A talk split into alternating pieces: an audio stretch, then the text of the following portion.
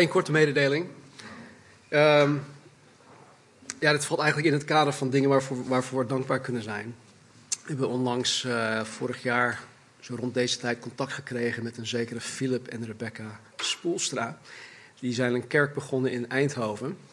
En die willen zich heel graag uh, aansluiten bij uh, de Calvary Chapel beweging. Dus we zijn sinds die tijd in contact. Uh, Philip en een aantal mannen van de kerk zijn ook naar het mannenweekend uh, geweest. En uh, een van de dingen die wij dan samen met elkaar willen doen, is dat zij, misschien ook mensen van hun, hun kant, deze kant op komen om onze eredienst te bezoeken.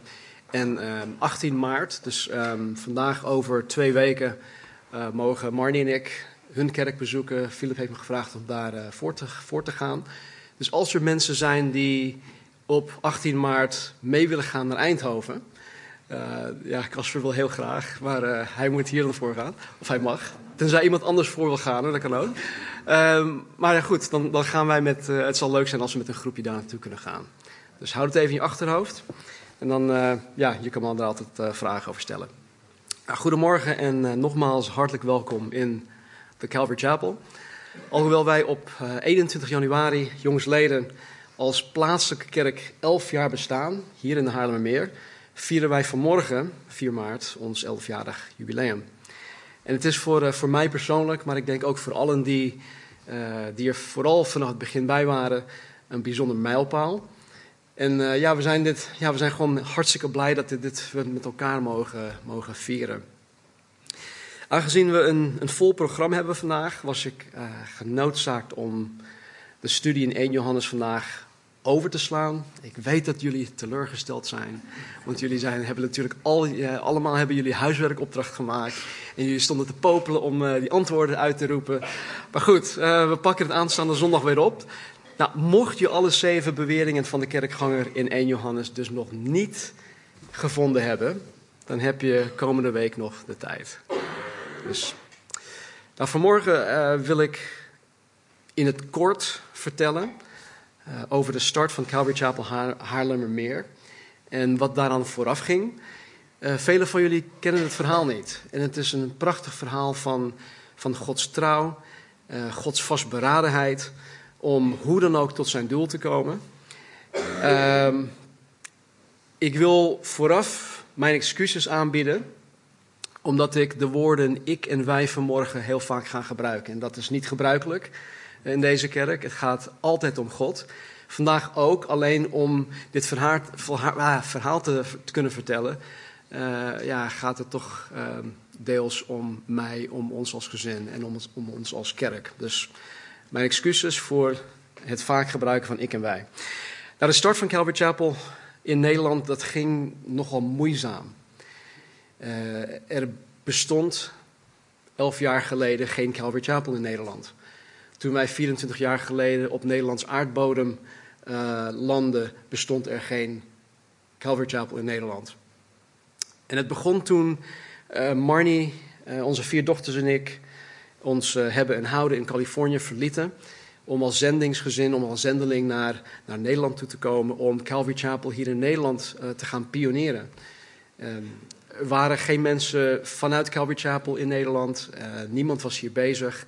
Uh, dus wij, ja, wij, wij waren de eerste die hier uh, dit werk zijn begonnen. Wij vertrokken vanuit Los Angeles, Californië. Of op zijn Nederlands Los Angeles, Californië. Zo grappig. Giovanni die, die merkte vaak op. Hij zegt, ja, hij zegt, je praat altijd keurig Nederlands, maar zodra je een Engels woord gebruikt, dan is het echt op een Californiërs. Dus uh, bij deze Los Angeles, Californië. Uh, wij vertrokken daar eind 93. Uh, het was toen nog zo'n zo 26 graden. we kwamen in Nederland aan. Het was 5 graden onder nul. Het was grauw. En we zagen de eerste paar weken totaal geen zon. Het was, nee, het was, echt depressief. Het was echt het was niet leuk. Um, toen we aankwamen hadden we heel weinig uh, meegenomen. We hadden als zendingsgezin vanuit de steeds geen uh, financiële steun meegekregen. Uh, omdat wij ervoor gekozen hadden om, om niet fondsen te willen gaan werven en, en dat soort zaken. We We gingen dus zonder financiële ondersteuning het zendingsveld in. Dat zou ik niemand aan willen raden. Maar wij hadden het wel gedaan. En na alle kosten om hier naartoe te komen met z'n zessen, hadden we slechts 1000 dollar over. En dat was het. Ik had geen baan. We hadden nog geen woonruimte. En we hadden alleen maar 1000 dollar. Nou goed, dat was in die, in die tijd zo rond 2200 gulden. Ja, en dan kom je hier met, met z'n zessen aan en wat dan? Um, we verbleven de eerste zes weken bij mijn broer. Dat was hartstikke leuk.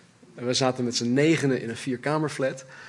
En uh, nou, het was hartstikke gezellig. Maar dat had natuurlijk ook zijn, uh, zijn uitdagingen. Maar weet je, ondanks dat we bepaalde dingen niet hadden, het enige dat Marnie en ik wel hadden, was een overtuiging dat God ons gegeven had dat wij op, op dat moment per se naar Nederland moesten komen. En ik, ik, ik heb daar geen rationele uitleg voor. Ik kan niet zeggen uh, dat, dat, dat ik een brief uit de hemel kreeg of iets dergelijks. Nee, het was gewoon bevestigingen op bevestiging, bevestiging op bevestiging dat wij van God kregen. Vanuit zijn woord, vanuit gesprekken. En um, we moesten gewoon komen. Het duurde ongeveer een jaar voordat we een beetje gesetteld waren. We kregen trouwens, dit is heel apart, we kregen de broer waarin wij, uh, waar, waarbij wij woonden, of zes weken verbleven. Hun buren, direct naast hun, die gingen weg, die hadden huis gekocht. Dus uh, wij kregen van de gemeente de flat precies naast mijn broer en zus. We hebben dus vier jaar lang naast elkaar in, uh, in Katwijk gewoond. Um, maar goed, het, het, duurde wel een jaar voordat we een beetje uh, gezetteld voelden. Kinderen gingen naar school toe. En uh, ik had allerlei uitzendbaantjes en dat soort dingen. Nou, ergens eind 94 ontstond er uh, door de contacten die wij uh, gelegd hadden, contacten die wij al, al hadden, uh, onder andere Kobus en Ellen, ontstond er een huiskring. En het was eerst in Amsterdam Noord. Daar waren we begonnen bij iemand thuis. En we, we merkten op een gegeven moment dat wij meer mensen vanuit Katwijk en Leiden meebrachten naar Amsterdam toe, dan dat er mensen vanuit Amsterdam op, op die huiskring kwamen. Dus we hadden besloten om dat uh, te verhuizen naar, naar Katwijk. En de kring bestond uit ons gezin, uh, twee andere gezinnen, nog een aantal singles. nogmaals, familie Diaz en Peter Velenturf, die waren, die waren erbij. Um, maar goed, het, ja, onze flat was, was klein. En omdat het zo klein was, begon het al gauw te klein te worden. En we begonnen dus op, een gegeven moment te zoeken naar een, een, een, een openbare ruimte waar we gewoon iets meer, meer, meer plek hadden, meer ruimte hadden. En ik, ja, de, ik, ik was, was van het weekend bezig om, om deze dingen allemaal uh, terug te halen. En ik moest denken aan de eerste openbare plek. Dat heette Huizen Kalleo in Katwijk. Het was een zolderruimte die wij ge, gehuurd hadden. Maar wij deelden de zolder met een groep uh, van zo'n twintig uh, kinderen in de basisschoolleeftijd die Arabische les kregen. En precies tijdens onze zondagsdienst. Dus je moet je voorstellen, wij hebben hier dienst, we hebben bijbelstudie. En dan hoor je in de kamer hiernaast, en dat was echt, echt heel, heel, heel um, um, geluidsgevoelig hoorde je dus twintig van die kinderen keihard schreeuwen in het Arabisch. En ja, enerzijds was het wel grappig, maar anderzijds stoorde dat gewoon enorm. Dus binnenkort verhuisden we naar een, eh, een andere locatie. Nou, in deze tweede locatie, toen we daar van start gingen, werd het, uh, het werd tegelijkertijd ook, ook meer officieel. Uh, we waren op dat, op dat moment geen huiskring meer. We, we, werden officieel ook een kerkgenootschap. Ik had me uh, aangemeld bij, bij de Belastingdienst. En wij startten daar met zo'n 15 mensen. Nou, binnen drie tot zes maanden groeiden we razendsnel in aantal. Ik denk dat wij, uh, toen wij de, de, piek hadden bereikt in die periode, dat er misschien wel uh, 100, misschien wel 120 mensen waren die, die, um, die in de Calvary Chapel kwamen, of die in de zondagsdienst uh, kwamen. Maar eh, mede door deze snelle groei op een, een zeer zwak fundament, door ongunstige omstandigheden in geestelijk Nederland. En ook door foute beslissingen door, door mijn persoon. Heeft God na twee jaar in eind 1998 de stekker eruit getrokken. En dat was dus uh, Calvary Chapel 1.0. En ehm, ja, dit was voor mij persoonlijk uh, de meest moeilijke gebeurtenis in mijn leven sinds ik tot geloof was gekomen in 1990. Um, ik had zoiets, wat, wat moet ik nu? Uh, mijn hele reden om mijn gezin naar Nederland toe te slepen was weggevallen. Het doel om Calvary Chapel in Nederland op de kaart te zetten had ik niet bereikt. En ik had zelf heel sterk het idee dat ik, uh, dat ik hierin zwaar gefaald had. En door, ja, door, door mijn eigen pijn uh, werd ik ook verbitterd. Ik was boos op God. Uh, ik was boos op mensen. Ik was gewoon boos op, op alles en iedereen om me heen. En ik was, er gewoon, ik was er ook echt klaar mee. En ik had toen voorgenomen om nooit meer in mijn leven een kerk te gaan starten. Ik zeg, God, ik doe dit nooit en nooit, nooit meer. Als u wil dat, dat, dat iemand, een, of, of dat, dat er een Calvary Chapel in Nederland zou komen, dan moet hij iemand anders daarvoor vinden. Ik was er, ik was gewoon helemaal klaar mee. Maar God, joh, die is zo, zo liefdevol en zo geduldig. Die denkt van, joh, mannetje, waar, heb jij het nou over? Een klein nietig uh, stofdeeltje dat je bent. Uh, maar goed, heel liefdevol bleef hij um, heel dichtbij en um, bleef daarin getrouw. We zaten in die tijd zwaar in de schuld, omdat wij te veel van ons eigen geld in deze onderneming hadden gestoken. Ja, en de enige manier om uit die schuld te komen was om een, um, een beter betaalde baan te, te vinden. Maar goed, ik moest dus in een zwaar depressieve staat uh, gaan solliciteren. Dat is, dat, is, dat is niet leuk. Maar in Gods genade, waardoor ik daarin kon volharden, in het zoeken naar werk, had God voor mij een deur geopend bij mijn voormalige werkgever. Ik heb in de States heb ik voor Xerox gewerkt. En ik uh, ging dus bij, uh, bij, bij Xerox in Amstelveen ging ik, uh, solliciteren. En um, goed, God had mij daar een managementfunctie gegeven. dit heeft er onder andere ook voor gezorgd dat wij ons huis hier in Nieuw-Vennep konden kopen. Dus um, we zien door al die dingen heen dat, dat Gods hand alles nog leidde, ondanks dat ik verbitterd en boos en opstandig was tegen God, bleef God ons daarin gewoon leiden. Maar goed, um, op dit moment ben ik in Nederland. Uh, mijn gezin is hier. Ik werk fulltime voor Xerox. Voor mijn gevoel hadden we net zo goed in Californië kunnen blijven, want daar werkte ik ook voor Xerox. Alleen is het daar gewoon veel warmer. Um, Weet je, dus gevoelsmatig had ik zoiets van, joh, wat, wat, wat, wat, heb ik gedaan? Waar ben ik aan begonnen? Oh Heer, uh, heb ik u niet goed verstaan? Oh, sorry Marnie, sorry dochters. Al dat soort dingen. Marnie en ik waren in die periode echt gebroken. Uh, onze dochters leden eronder. We wisten niet wat Gods bedoeling hiermee was. Ik had God naar mijn idee gefaald. Maar Tegelijkertijd was ik er stellig van overtuigd dat God ons niet naar Nederland toe had gebracht, zodat ik hier in Nederland mijn carrière voor Xerox kon opbouwen. Um, Marnie en ik vroegen in die tijd uh, God, uh, ook echt afzonderlijk van elkaar. Uh, we vroegen God, moeten wij teruggaan naar Amerika? Of moeten we hier blijven? En het enige dat God ons al die jaren um, afzonderlijk van elkaar gaf, was dat wij in Nederland moesten blijven. Ik had het niet zo vaak er met God meer over, want het, het, het, had geen zin. Maar wanneer ik God vroeg, Heer, wat moeten we doen? Moeten we in Nederland blijven? Moeten we terug naar de States? Het enige wat ik heel erg duidelijk kreeg, een woord van God, was: blijf in Nederland. Blijf in Nederland. Blijf in Nederland.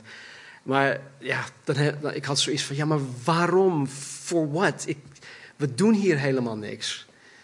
Um, wat bent u aan het doen? Ik, ik snap het helemaal niet. Het, het lijkt zo, zo uh, u, lijkt zo ver weg. Um, we zien niet wat, wat u aan het doen bent. Dus wat voor zin heeft het nou om hier in Nederland te blijven? Waarvoor? Waarvoor moeten wij per se hier blijven? jaren later kregen we daar wel antwoord op. Toen wij, uh, we woonden toen in Hillegom en toen wij als gezin in deze woestijnperiode zaten, leerden wij een, uh, een zekere Gendro Schijf kennen. Nou, hij was, destijds was hij een jaar of drie, 24. En het was zo'n enthousiasteling, joh. Die, die, die jongen die stuiterde gewoon uh, door onze woonkamer heen. En uh, het was gewoon leuk om, om, om hem op dat moment te ontmoeten. En ergens in het najaar, in 2002, dat was alweer jaren later, nodigde Gendro, ons uit om een keertje te komen kijken in de Meerkerk in Hoofddorp. Gendro uh, vertelde mij dat de voorganger op dat moment door het Bijbelboek Nehemia heen ging. En de manier waarop leek een beetje op hoe wij het als Calvary Chapel doen. Zo, bracht Gendro dat. Nu was het zo dat nadat God de stekker uit de eerste uh, kerkplant had getrokken, ik totaal geen zin had om me aan te sluiten bij een andere kerk. En nogmaals, ik was boos, ik was verbitterd, ik was gebroken, ik had hartzeer, ik was ontzettend kritisch geworden. Want in mijn optiek deden ze het allemaal fout. En dat, dat is het gevolg van een kritisch hart. En ik had in vier jaar tijd op aandringen van Marnie hooguit drie of vier zondagsdiensten bijgewoond in al die tijd. Dus ik, ik had er niet zoveel zin in. Maar goed, op aandringen van Gendro, uh, hij had ons overtuigd, gingen we als gezin naar de Meerkerk toe.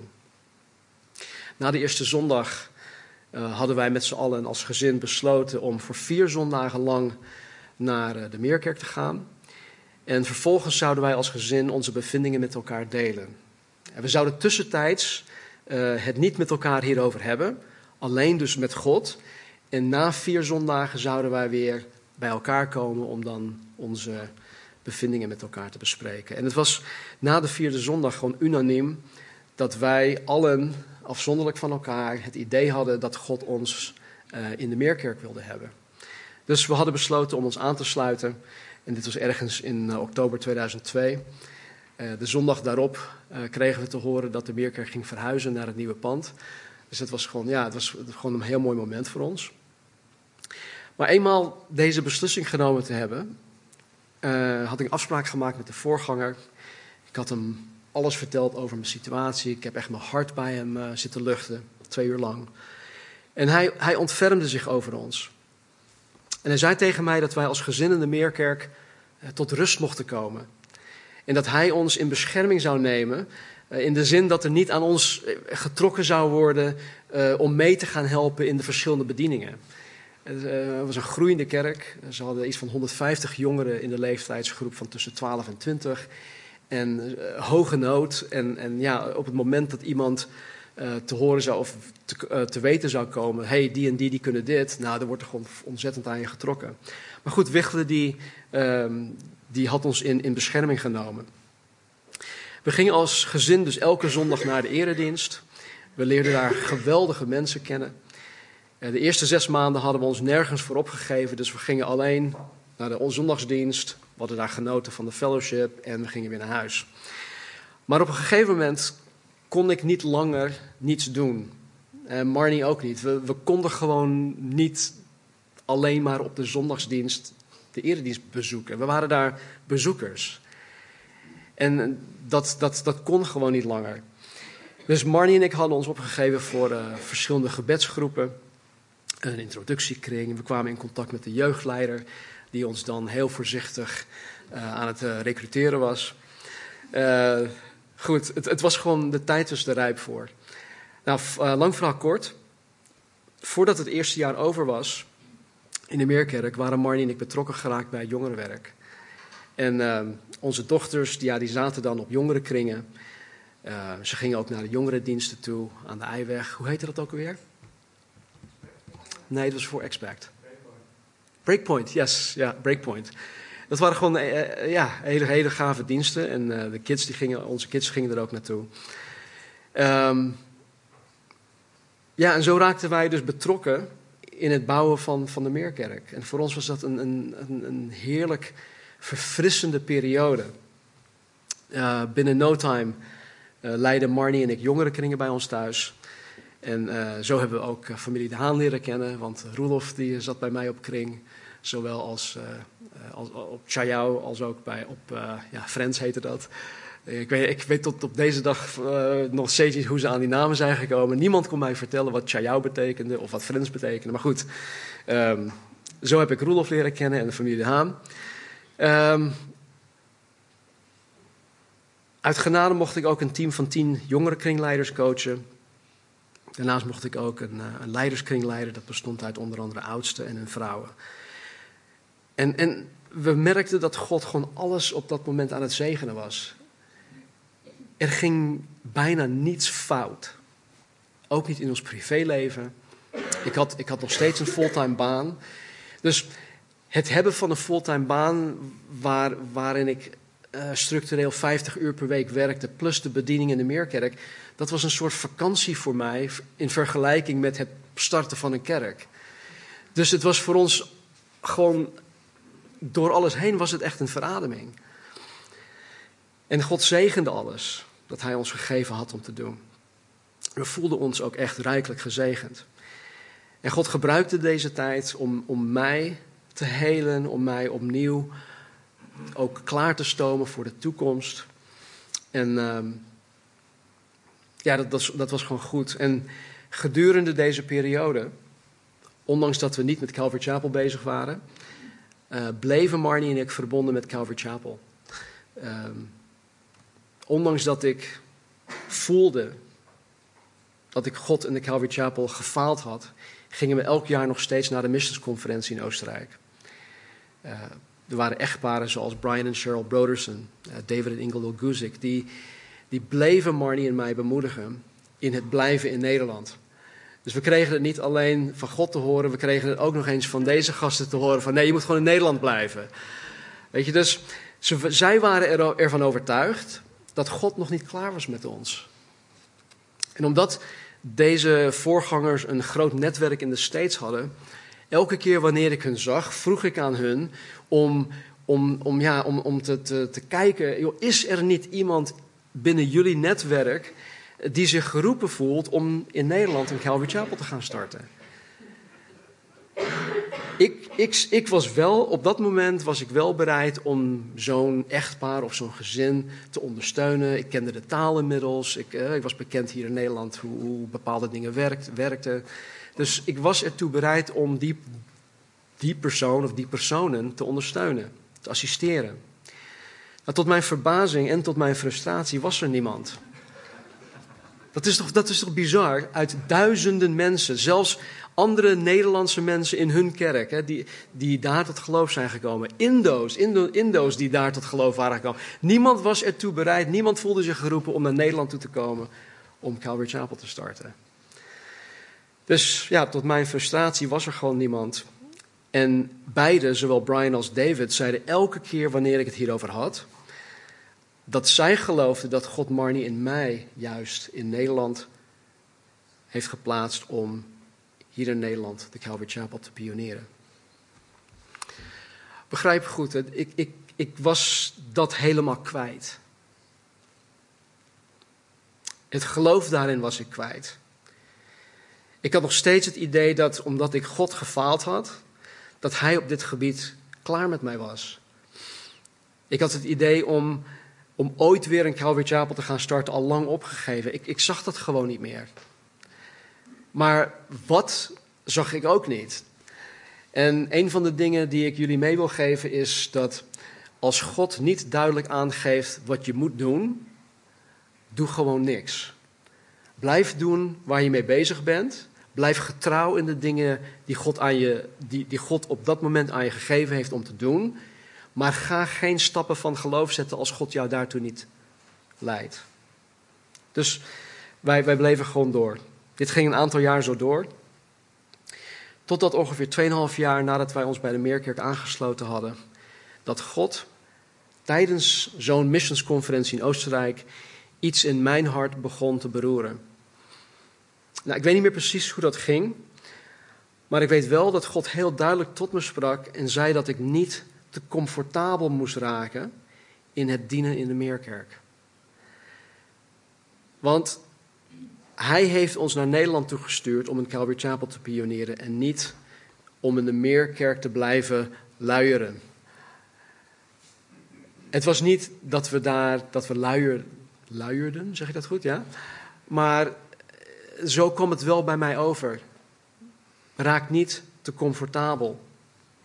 Nou, toen dit mij overkwam, vertelde ik dit aan Marnie en ze zei, laten we daar gewoon voor in gebed gaan. Dus dat, dat hadden we gedaan.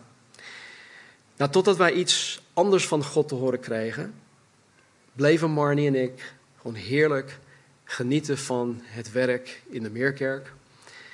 Maar die stem, die stem van God, om niet geworteld te raken in de Meerkerk, dat begon steeds luider te worden. Het begon steeds ook vaker te klinken. En op een gegeven moment had ik een lijst opgesteld om een beetje daar, daartegen in te gaan, die stem. Ik had een lijst opgesteld met redenen waarom ik nooit meer een Calvary Chapel zou willen opstarten. En ik had letterlijk, had, ik had echt een lijstje gemaakt op, uh, in, in, in, mijn schrift. En ik zei, weet u nog God, in november 98, toen u de stekker eruit trok, weet u nog, uh, al deze dingen. Nou, dit geldt nog steeds. Ik ben hier niet van, ik ben niet van gedachten veranderd. En ik weet dat dat heel brutaal is, heel, heel niet respectvol naar God toe. Maar nogmaals, Gods genade, Gods liefde. Hij bleef daarin getrouw. Hij bleef mij en ons, ondanks onze brutaliteit, bleef hij ons leiden en koesteren en bij de hand nemen en, en, en, en verder, um, verder brengen. Marnie en ik hadden besloten om in gebed met deze bezwaren naar God toe te gaan. En wat gebeurt er? God begint aan mijn lijst met bezwaren te werken. Waardoor Marnie en ik steeds meer bevestiging van God kregen. Dat hij ons toch echt in die richting aan het bewegen was. Ik had aan het hoofd van het kringenwerk van de Meerkerk verteld. Een fantastische man. Uh, dat, dat Marnie en ik geloofden dat God ons aan het bewegen was. Hij vond het enerzijds ja, erg jammer. Uh, maar anderzijds ook heel erg spannend voor ons. Hij was blij voor ons. En hij en ik hadden besloten om hier samen ernstig voor in gebed te gaan. En vervolgens bleef God aan die lijst werken. Hij bleef ons beroeren, hij bleef ons bewegen. En in het voorjaar van 2006 had ik besloten om het kerkelijk seizoen uh, af te maken.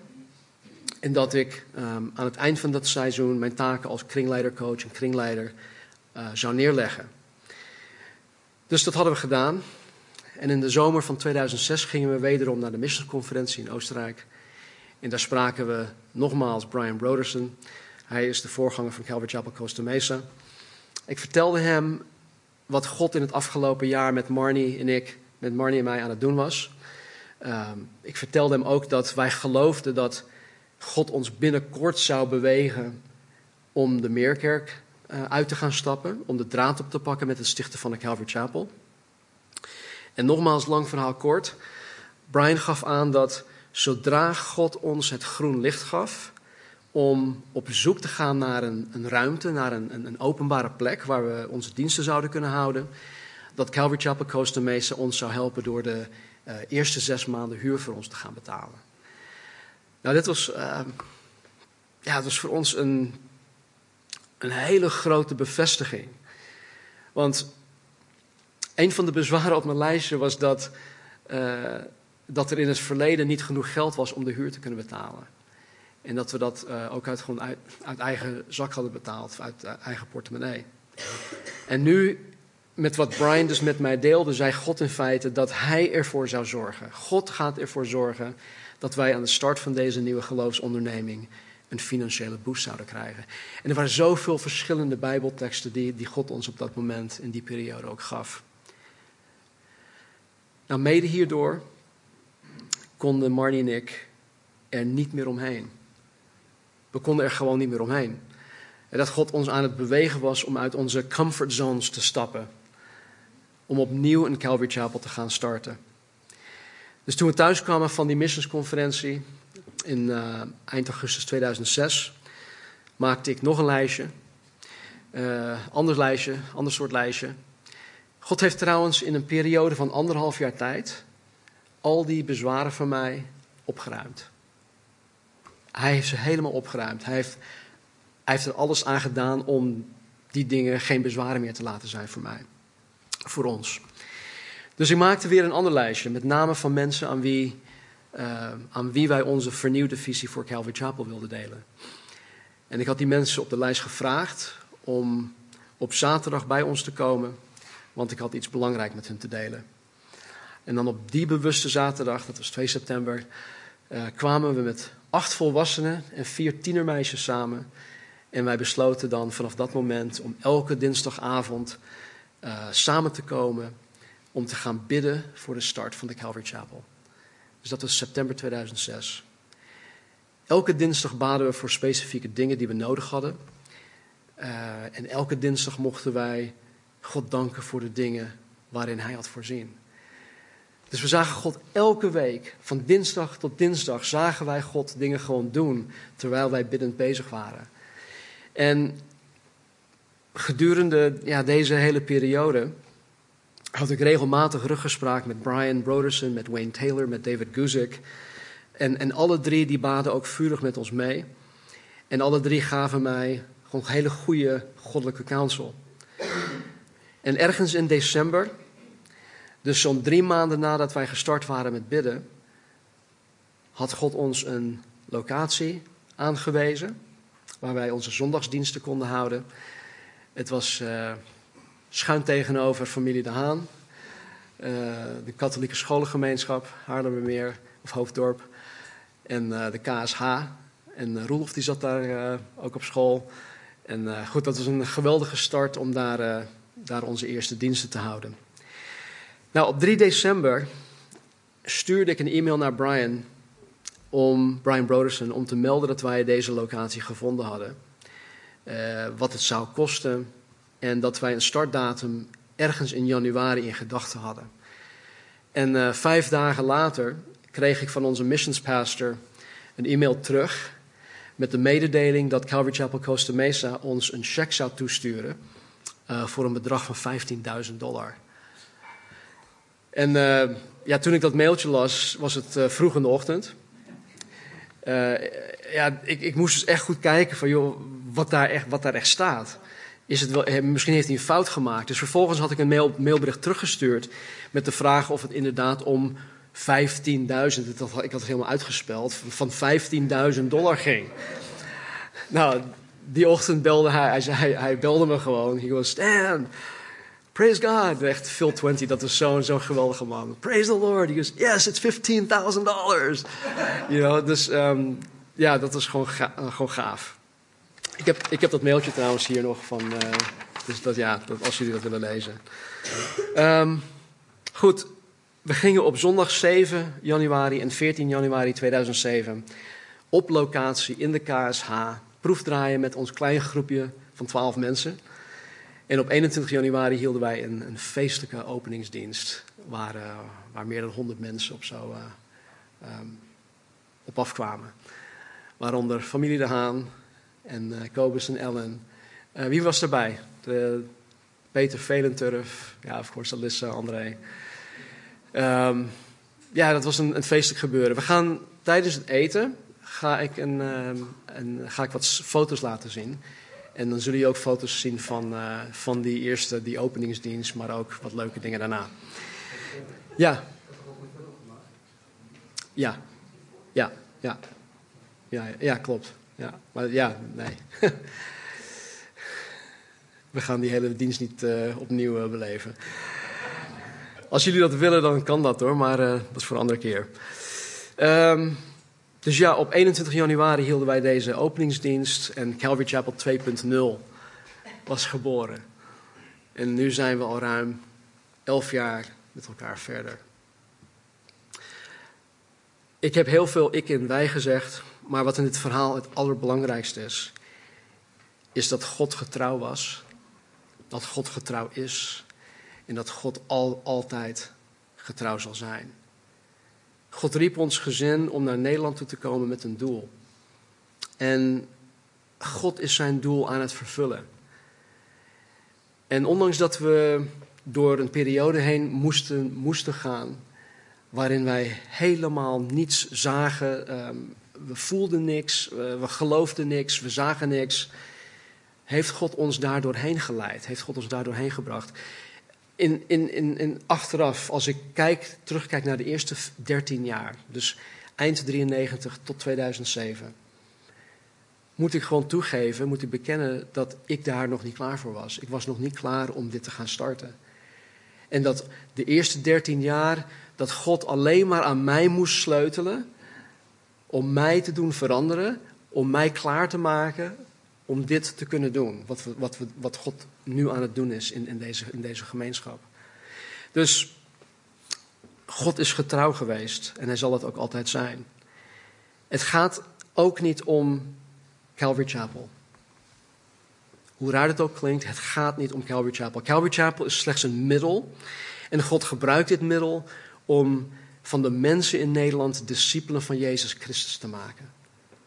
Dat is het doel. En dit is slechts een middel. Het feit dat wij nu elf jaar bestaan en dat jullie hier zitten, is het bewijs daarvan. Een van de dingen die David Guzik mij uh, altijd voorhield was dit. In Romeinen 11, vers 29 staat: De genade die God schenkt, neemt hij nooit terug. Wanneer, iemand, wanneer hij, God, iemand roept, maakt hij dat niet ongedaan. Nogmaals, door al die jaren heen, die acht jaren, zag ik dat niet zitten. Ik zag dat ook niet. Ik geloofde het niet meer. Maar God is dat wel nagekomen. En het is mooi dat we mensen om ons heen hadden die dat wel zagen. En dat hebben we zo hard nodig. Jullie hebben dat nodig. Wij hebben dit nodig. Dat er mensen om ons heen staan die dingen wel zien. Al, al zien wij het niet meer. Dat er mensen zijn om ons heen die het wel zien. Die het geloof er wel in hebben. Dat God nog niet klaar is met ons. Dus zoals de God van de Bijbel Marnie in mij genade heeft geschonken schenkt God vanmorgen ook zijn genade aan jullie, aan jou. Hij geeft en hij neemt het niet terug. Zoals God Marnie en mij tot zich had, tot zich had geroepen, roept God vanmorgen ook, ook jou. En dan maakt het echt niet uit wie je bent, wat je allemaal gedaan hebt. God krabbelt niet terug. In 2 Timotheus 2, vers 13 zegt Paulus: als wij ontrouw zijn, blijft Hij getrouw. Hij kan zichzelf niet verloochenen. Dus Hij verandert niet naar de omstandigheden. Al was ik al die jaren gewoon ontrouw naar God toe, God bleef gewoon wie Hij was. Hij bleef getrouw naar ons toe, naar mij toe. In nummer 23, 19 dit is uit de Groot Nieuwsbijbel, staat: God liegt niet, zoals de mensen. God verandert niet van gedachten zoals wij. Hij zal nooit iets beloven en het nalaten. Iets aankondigen en het niet laten doorgaan. Ik zat te denken van de week aan alle werkgevers die ik tot nu toe heb gehad. En zakelijke werkgevers. En op alle werkgevers is er wel iets uh, op of aan te merken. Uh, alle werkgevers hebben, hebben, ze hebben hele goede dingen voor mij gedaan, maar ze hebben me ook tot op zekere hoogte benadeeld. Uh, alle werkgevers hebben in zekere mate zijn ze hun belofte niet nagekomen. En toen dacht ik, hé, hey, maar er is maar één werkgever die niet liegt zoals de mensen. Die niet van de gedachten verandert zoals mensen. Die niet iets belooft en het dan, en het dan nalaat. Die iets aankondigt en het niet laat doorgaan. En dat is God. Ik heb, wij hebben, wij die Jezus Christus kennen, wij hebben uiteindelijk de allerbeste werkgever. Toch? Nou, dit avontuur dat Marnie, onze meiden en ik aan het beleven zijn, gaat niet om Calvary Chapel, maar het gaat om Jezus Christus. Het gaat om Hem. Jezus is voor onze zonde gekruisigd. Hij is voor onze zonde gekruisigd, zodat wij met God verzoend kunnen worden. En zodat wij een levende relatie met God kunnen hebben. Voordat ik tot geloof kwam, zat er een gigantische kloof tussen mij en God in. En ik kon geen gesprek met God hebben. Dat was niet mogelijk. Maar doordat Jezus in mijn leven is gekomen, doordat Hij mijn leven als het ware veroverd heeft, heb ik nu die, die toegang tot God. Jezus is voor onze zonde gekruisigd om vergeving mogelijk te maken. En dan niet alleen vergeving, maar ook om onze schuldgevoelens weg te nemen. Ik denk dat we allemaal wel iets weten van schuldgevoelens. Over zonde. De vergeving die God ons geeft, is niet alleen juridisch, maar het neemt alle schuldgevoelens weg. Als je naar de, de, de gevangenissen toe gaat, ten eerste zijn, zijn ze allemaal onschuldig. Nee hoor, grapje. Nee, maar weet je, mensen zitten nog steeds met, met, met schuldgevoelens. En, en, en Jezus is de enige die die schuldgevoelens ook weg kan nemen. Jezus is na zijn kruisiging uit de dood opgestaan, waardoor de wedergeboren mens de garantie heeft gekregen. Waar kunnen we nog een garantie krijgen? De garantie heeft gekregen dat hij of zij nooit zal sterven, maar in een volmaakte en verheerlijkte staat, verheerlijkte staat voor eeuwig met Jezus zal leven. Uh, dit heb ik nog niet met jullie gedeeld, maar afgelopen woensdag uh, zijn Marnie en ik gezegend met een, uh, een andere tweedehands auto. dus prijs God daarvoor. We zijn weer mobiel.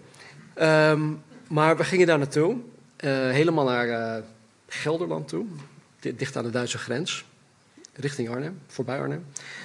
En um, ik reed naar huis en die man die door middel van een handdruk garandeerde mij dat het gewoon een hele goede auto was. Dat ik gewoon de komende tien jaar zonder problemen de auto zou kunnen rijden. Nou, ik was bij Schiphol, de Schipholtunnel. En, uh, en uh, ja, nou, ik was gewoon vrolijk aan het rijden, 100 kilometer. En ineens begon het een beetje anders te klinken ik dacht van, hé hey joh, heb ik, heb ik per ongeluk op een uh, Fast and Furious modus knop gedrukt of zo, dat het ineens anders klinkt. Maar het begon echt te klinken als een opgevoerde ja, auto. Uh, bleek dat de uitlaat uh, verroest was of iets dergelijks. Goed, dat is dus gemaakt. Maar goed, niemand kan ons garantie bieden. Alleen God. Wijlen Dr. Billy Graham had ooit gezegd dat als wij het, wij het nieuws zouden vernemen dat hij overleden is, dat dat een leugen zou zijn. Hij zei dat hij vanaf dat moment nog meer levend is dan ooit tevoren. Hij is niet overleden, hij is slechts verhuisd. Voor de wedergeboren christen is de lichamelijke dood slechts een overgang tot de heerlijkheid.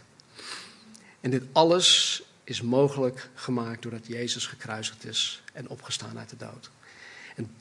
Dit is dan ook de reden waarom God ons in Nederland heeft gehouden. Om deze boodschap van hoop en liefde in Nederland bekend te maken. En jullie zijn hier daar getuigen van, jullie zijn ook het bewijs daarvan. En ik vind het echt een voorrecht en een genot om dit met jullie te mogen blijven doen. En ik moet er niet aan denken dat uh, ik in mijn koppigheid en in mijn verbitterdheid de handdoek in de ring had gegooid. En dat we gewoon nu weer ergens in, in warm Californië zaten. En dit allemaal gemist zouden hebben. Dus de Heer zij geprezen. Hij komt alle eer, hem komt alle eer en glorie toe. Voor wat hij tot nu toe heeft gedaan. En ik zie uit naar wat hij dit jaar en de komende jaren, mocht hij nog niet terugkomen om ons op te nemen, wat hij nog gaat blijven doen. Dus laten we bidden. We gaan zo meteen ook het heilige avondmaal nuttigen. Um, ja, laten we bidden. Hemelse Vader, dank u wel dat wij u mogen vieren. Heer, dat wij op, ons op u mogen beroemen. Heer, niets is uit onszelf. En Heer, het draait ook niet om ons, het draait ook niet om Marnie en mij of ons gezin of om de Calvary Chapel. Heer, het draait alleen maar om U. En zo, Vader, ik dank U dat U ons zo ver hebt gebracht, dat U ons de genade heeft geschonken om dit met elkaar te kunnen doen, Heer. Ik dank u voor elk persoon die hier vanmorgen is. Heer, ik dank u ook voor de afwezigen die deel uitmaken van de Calvary Chapel. Heer, ik dank u voor alle geweldige dingen die u tot nu toe hebt gedaan. En ik dank u, Heer, dat u die een werk begonnen bent, een goed werk begonnen bent, dat u dat tot voleinding zal brengen. Dus Jezus, ik dank u dat u zo ver bent gegaan om uzelf te geven. Heer, zodat wij vergeving van zonde zouden kunnen krijgen.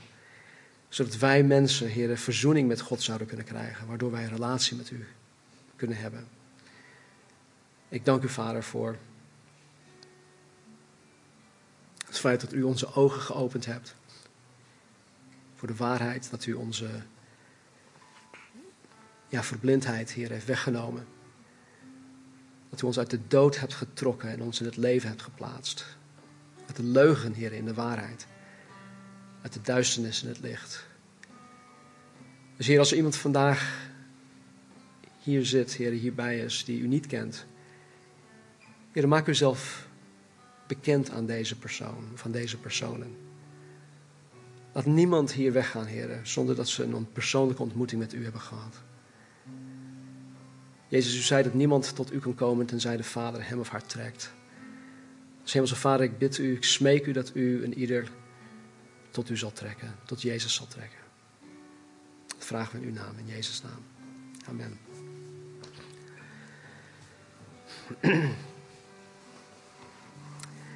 De apostel Paulus die dacht terug aan het moment dat hij het heilige avondmaal door had gekregen. Hij was er zelf niet bij toen, hij, toen Jezus het heilige avondmaal instelde. Maar hij heeft dat of rechtstreeks van de Heer zelf gekregen of door een van die andere apostelen. Maar hoe dan ook, hij heeft het ontvangen. En dan zegt hij in zijn eh, brief aan de Corinthiërs: Ik heb van de Heer ontvangen wat ik u ook heb overgeleverd. Dat de Heer Jezus in de nacht waarin hij werd verraden, brood nam. En nadat hij gedankt had, brak hij het brood en zei: Neem, eet, dit is mijn lichaam dat voor u gebroken wordt. Doe dat tot mijn gedachtenis. Evenzo nam hij ook de drinkbeker na het gebruiken van de maaltijd. En zei: Deze drinkbeker is het nieuwe verbond in mijn bloed. Doe dat zo dikwijls als u die drinkt tot mijn gedachtenis. Want zo dikwijls als u dit brood eet en deze drinkbeker drinkt, verkondig de dood van de Heer totdat hij komt. Paulus had heel goed door wat de kruisiging en de opstanding van Jezus betekent. Niet alleen voor hem persoonlijk, maar voor de Corinthiërs, voor ons, voor ons als christenen. En het mooie wat, wat, wat ik in dit gedeelte vind, is dat hij zegt: verkondig de dood van de Heer totdat hij komt. Paulus kijkt weer vooruit. Er zal een moment komen dat Jezus komt om zijn bruid, zijn gemeente op te nemen. De wereld zal daar niks van merken, behalve dat ik er niet meer ben, dat wij er niet meer zijn.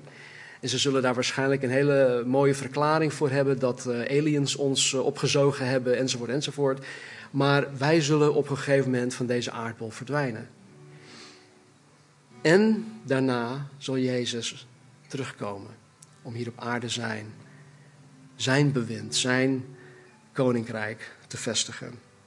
En Paulus kijkt dus vooruit naar dat moment.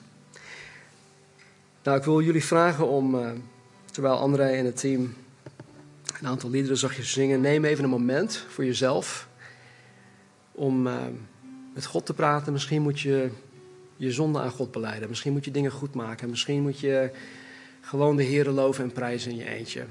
Maar neem daarvoor de tijd. Wanneer je er klaar voor bent, kom naar voren toe, neem de elementen en uh, neem ze gewoon terug naar je eigen plek. Uh, als je in Jezus Christus gelooft, als je Hem navolgt, of als je vandaag ervoor kiest om Jezus na te volgen, kom gerust naar voren toe. Je hoeft geen lid te zijn van deze kerk, dat hebben we hier trouwens niet. Maar uh, doe dat. En dan kom ik uh, na afloop nog even terug.